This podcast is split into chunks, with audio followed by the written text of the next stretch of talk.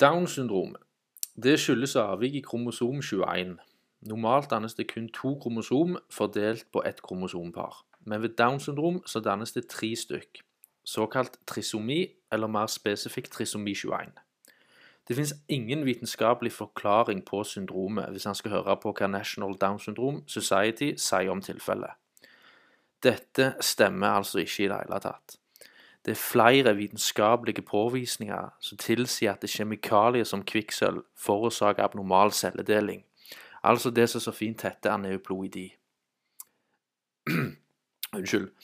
Eller økt dannelse av frie radikaler, en prosess som kontinuerlig forekommer i cellene som en del av celleåndinga.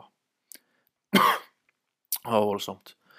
Dannelsen av frie radikaler øker ved eksponering til toksiske kjemikalier elektromagnetiske felt, underernæring og ekstrem fysisk aktivitet, blant flere.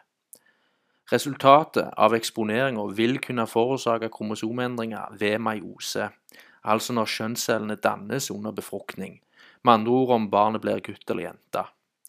Dette forklarer hvorfor eldre kvinner er mer utsatt for å få barn med Downs syndrom, nettopp pga. de har en økt akkumulering som har forekommet over tid.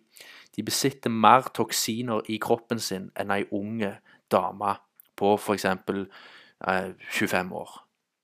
I 1964 ble det bl.a. utført et studie på, på Downs syndrom, spesifikt fra John Hopkins universitet i Statene.